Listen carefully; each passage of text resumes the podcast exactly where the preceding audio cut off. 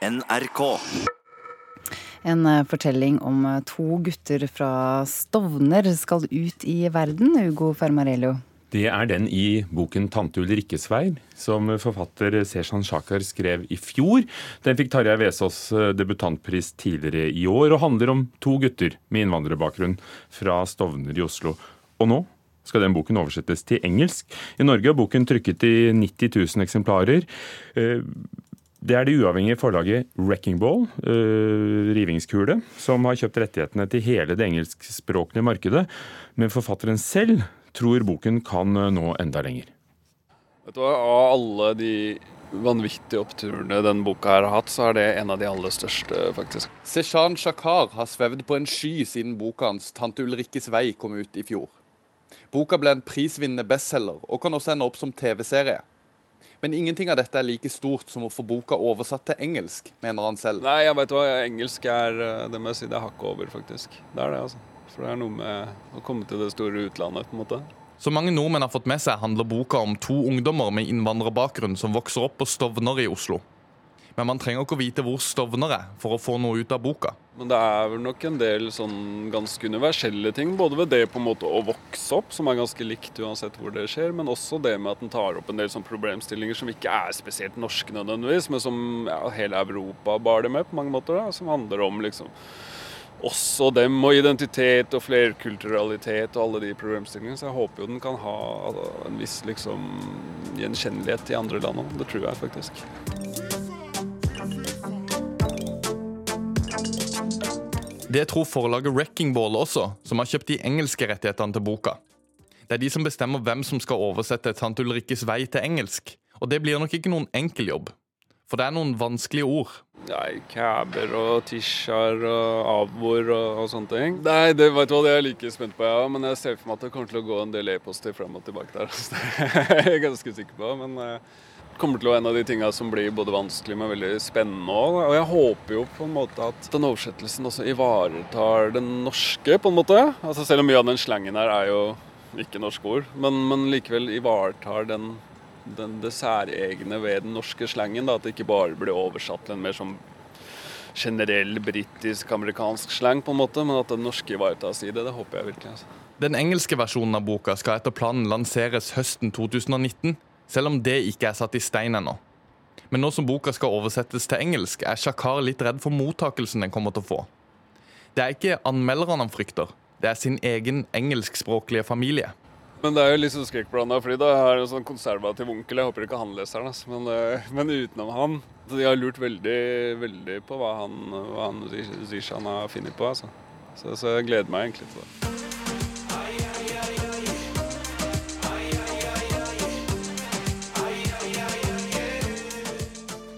Slageren til Hakim og Timur fra nettopp Stovner, akkurat som eh, Seshan Shakar, som ble intervjuet av vår reporter Daniel Eriksen.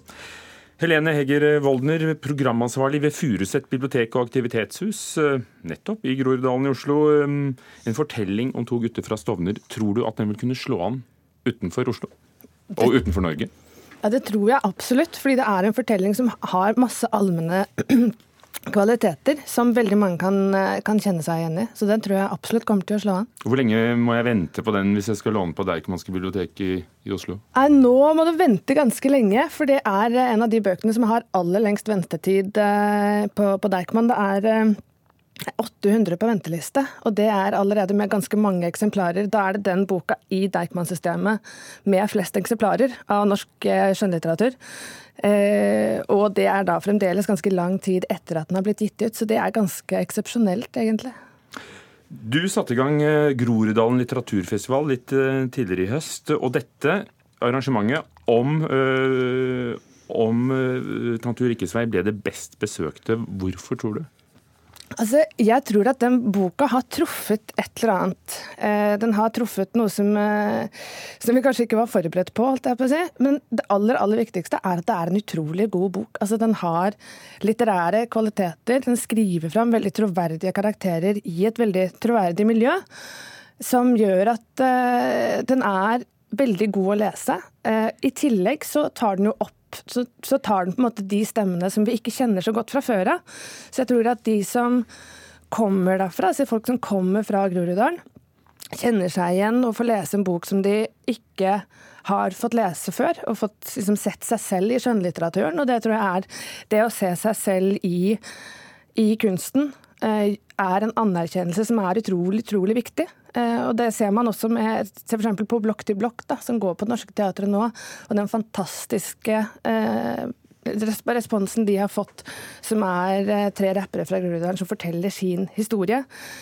Så jeg tror at Det er på en måte kjempeviktig for de som kommer derfra, å lese en god bok som representerer dem selv. Og så er det da kjempeviktig for alle de som kommer fra resten av Oslo og resten av Norge, å se at måte, dette finnes også. Eh, og dette finnes også, og det kan være stoff som, som funker i en roman, og ikke bare på nyhetssendinger og eh, i, i kronikkform, liksom. Og når den nå blir oversatt til engelsk, kan det da være at disse menneskene, eh, enten de kommer fra den ene eller andre siden av byen, like gjerne kan bo i, i Pittsburgh i USA eller Manchester i England? Mm -mm.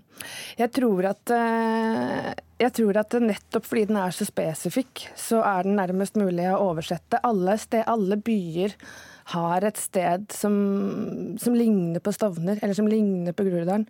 Og du kunne jo også liksom plassert den et annet sted i Den er jo veldig spesifikt plassert liksom ned på gatenivå, men allikevel likevel så kan man kjenne seg igjen hvis man kommer fra andre steder i Oslo eller i Groruddalen som ligner.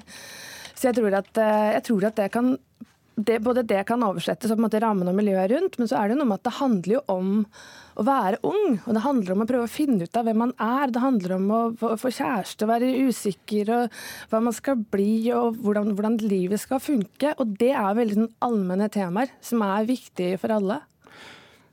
Vi hadde mm, boken eh, 'Forstadsbudda' av Hanif Kureishi, som også ble TV-serie på 90-tallet. Eh, har det manglet en bok fra innvandrermiljøet i storby i det siste? Ja, så jeg tror i hvert fall at eh, Og det, det, har jo ikke vært denne historien som har beskrevet Oslo eh, på veldig veldig mange år, eller som har beskrevet den delen av Oslo på veldig mange år. Altså, Roy Jacobsen og Jan Kjærstad og liksom Per Petterson og den gjengen der skrev jo fram det området på 60-70-tallet, men det er jo veldig lenge siden. sånn at det har jo vært, Og så har det vært litt sånn stille fram til nå, da. Jeg tror at vi er, det vi holder på å se nå, er en litt sånn men det, dette miljøet kommer også i, eh, kommer i litteraturen nå, med alle de som skriver sammen med Sersan. Takk skal du ha. Eh, Helene Hegger Woldner eh, ved Furuset bibliotek og aktivitetshus. Eh, eh, tror du at eh, Tror du at vi får en film av denne også? Det er snakk om TV-serie. Vet du noe mer? Eh, jeg vet ikke noe mer, dessverre. Men jeg gleder meg veldig til TV-serien. Og jeg vet at det er veldig dyktige folk som skal lage den. Takk skal du ha. I'm Idris Elba, and I am the sexiest man alive. You've seen them come and you've seen them go, but I'm I'm here to stay, baby. Ja, Apropos uh, storbyer. Dette er Idris Elba, 46 år gammel skuespiller fra Øst-London. Uh, født av afrikanske innvandrerforeldre, uh, som har all grunn til å lette litt ekstra på smilebåndet i dag. Kulturreporter Kaja Andreassen, hvorfor det? Det har han, for han er kåret til verdens mest sexy mann av People Magazine. Dette er noe de, de har holdt på med siden 1985. Hvilken begrunnelse gir de for en sånn kåring? Redaktør for People Magazine skriver i magasinet at for, en, for, at en mann skal være sexy i 2018, så trenger vi å vite at han er respektfull mot kvinner, og at han er sjenerøs og empatisk. Noe som mener Idris Elba er. Eh, Idris Elba er kjent for sin eh, rolle i HBO-serien The Wire, og hans reaksjon på å bli kåret til verdens mest sexy mann var at han ble veldig overrasket, så seg selv i speilet og tenkte ja, jeg ser ganske sexy ut i dag. Uh, og dette er bare uh, tredje gangen det ikke er en hvit mann, siden de begynte med denne eh, kåringen, som kåres til denne, denne litt omdiskuterte tittelen. Og så noe helt annet. Hjem igjen. Nasjonalmuseet og Sparebankstiftelsen TNB går sammen om å finne ut hva det gamle Nasjonalgalleriet, altså den gamle bygningen, skal brukes til i fremtiden. Eh, ja, tanken er å gjøre Nasjonalgalleriet til et åpent og levende hus for publikum med kunsten i sentrum, sier Nasjonalmuseets direktør Karin Hinsmo. Mer, mer sexy, kanskje? Ja. Eh, I eh, flere år så har debatten gått om hva Nasjonalgalleriet i Oslo skal brukes til når museet stenger 13.1 neste år. Da flyttes de over 120 000 verkene museet rommer til det nye Nasjonalmuseet som åpner på Vestbanen i 2020. Men nå vil de altså begynne å se på hva de kan bruke bygget til. De ønsker å rehabilitere de rommene som ikke er åpne for publikum i dag, og kulturminister Trine Skei Grande sier at bygget gir dem en unik mulighet til å ta med, ta med seg all historien, men likevel kunne begynne helt på nytt. Takk skal du ha. Kaja Andreassen, det var det vi fikk av, av morgens kulturnyheter. Og nå til en av ukens filmer som eh, er på vei på fredag på norske kinoer. Den tyske filmen 'Kapteinen'. Og det er mannen bak Hollywood-filmer som 'Red' og 'Insurgent', eh, regissør Robert Schwentke, som har vendt hjem, til Tyskland også, for å fortelle en historie som er basert på virkelige hendelser fra aprildagene i 1945, slutten av andre verdenskrig. Vår filmkritiker Birger Vestmo har sett den.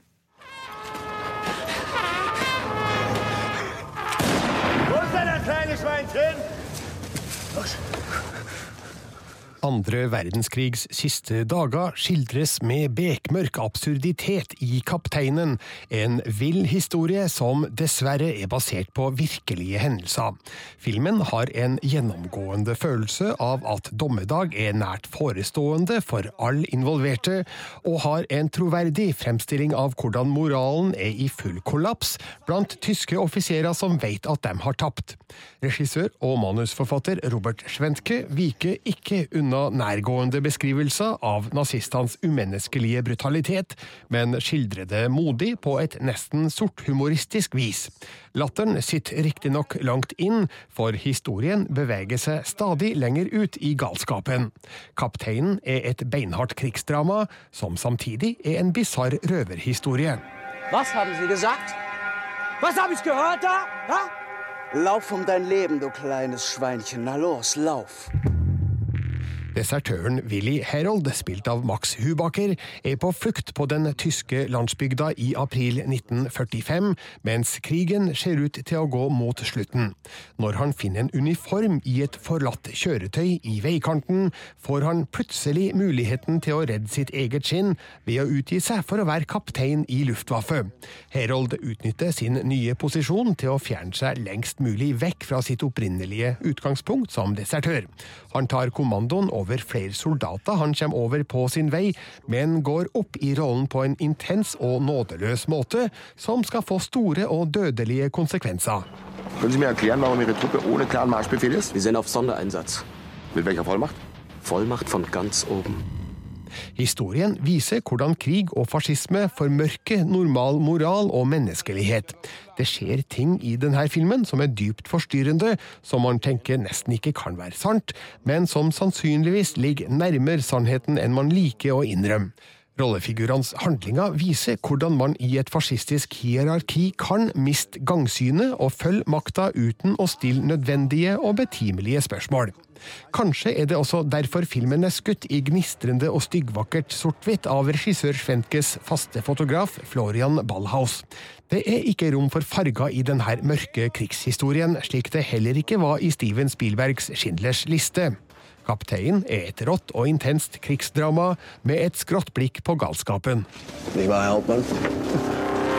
Ja, das bin ich. Der Hauptmann. Men kapteinen kommer først på norske kinoer på fredag. Kritiker Birge Vestmo hadde sett den.